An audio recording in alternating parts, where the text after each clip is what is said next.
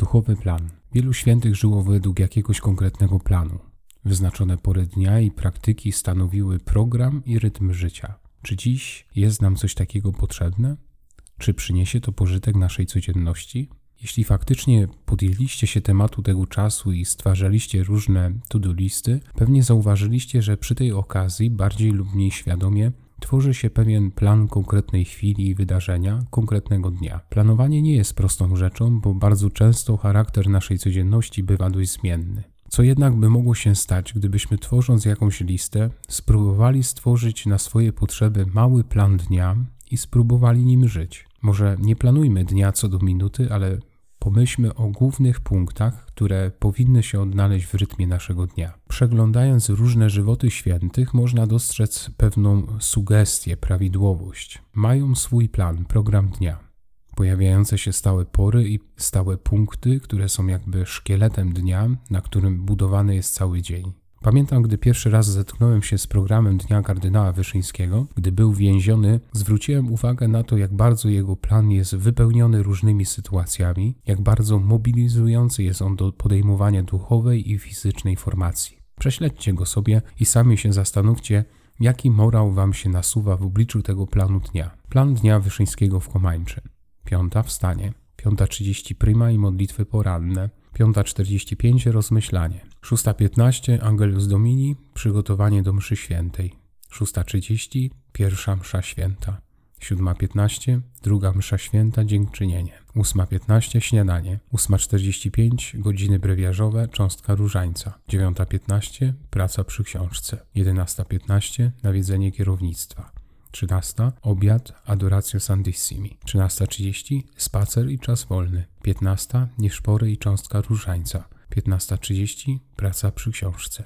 18.15. Matutinum cum laudibus. 19. Wieczerza. Lektura niemiecka. 20. Różaniec w kaplicy i modlitwy wieczorne, śpiewy kościelne. 20.45. Praca, lektura, spoczynek. Współcześnie takie szczegółowe plany dnia można odnaleźć w seminariach, we wspólnotach zakonnych czy podczas jakichś rekolekcji. Można też odnaleźć plany dnia w różnych wspólnotach świeckich i religijnych. Nawet w domu jest pewien schemat, plan, charakterystyczne punkty, które mogą stanowić pewnego rodzaju plan. Nie jest to sprawa nierealna i niemożliwa. Myślę, że każdy z nas w jakiejś mierze ma swój własny plan dnia. Plan utrzymuje nas w pewnych ramach, które wyznaczają nam kierunek, to w jaką stronę ma podążać nasze działanie, motywuje nas. Plan czy pewne założenia, pomiędzy którymi się poruszamy, jest dla nas również konkretną strefą ochronną. Plan dnia duchowych działań jest w wielu momentach też odbiciem naszych starań i dzięki niemu możemy sprawdzać kondycję swojego działania. Plan to nie tylko wyznaczenie sobie konkretnych zadań i przestrzeganie ich.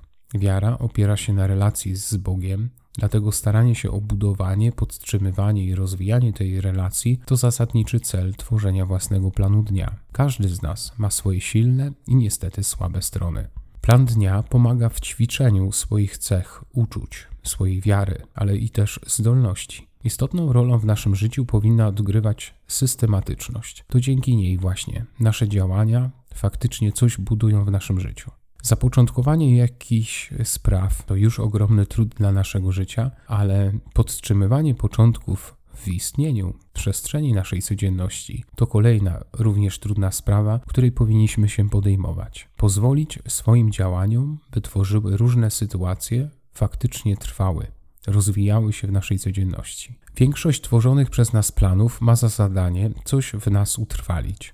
Im mocniej wykształcimy jakąś postawę, jakieś zachowanie lub działanie, tym mocniej jakaś rzecz będzie do nas przywiązana i będzie razem z nami wzrastać. Oczekujemy od siebie niekiedy wyników, dlatego coraz bardziej wymagający plan. Ale wszystko rozbije się o brak sił, by realizować takie wymagania.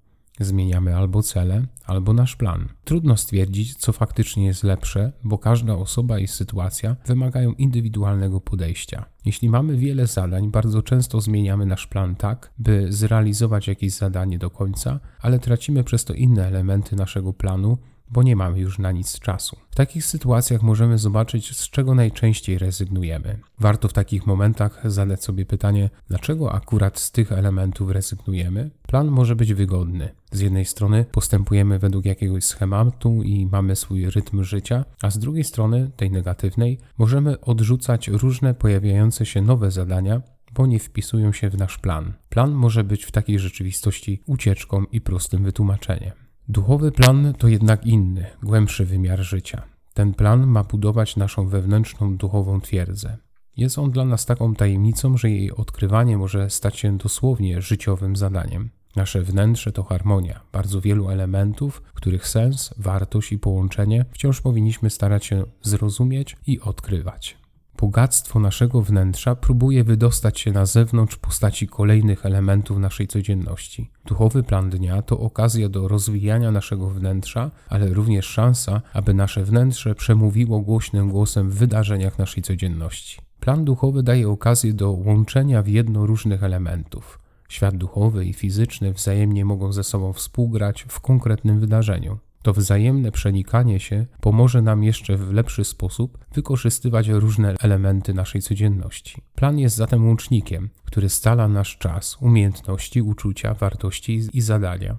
Również poprzez realizację konkretnego planu możemy wypełnić dzieło, które mi dałeś do wykonania, stając się jeszcze bardziej wrażliwymi na to, co dzieje się obecnie w naszej codzienności.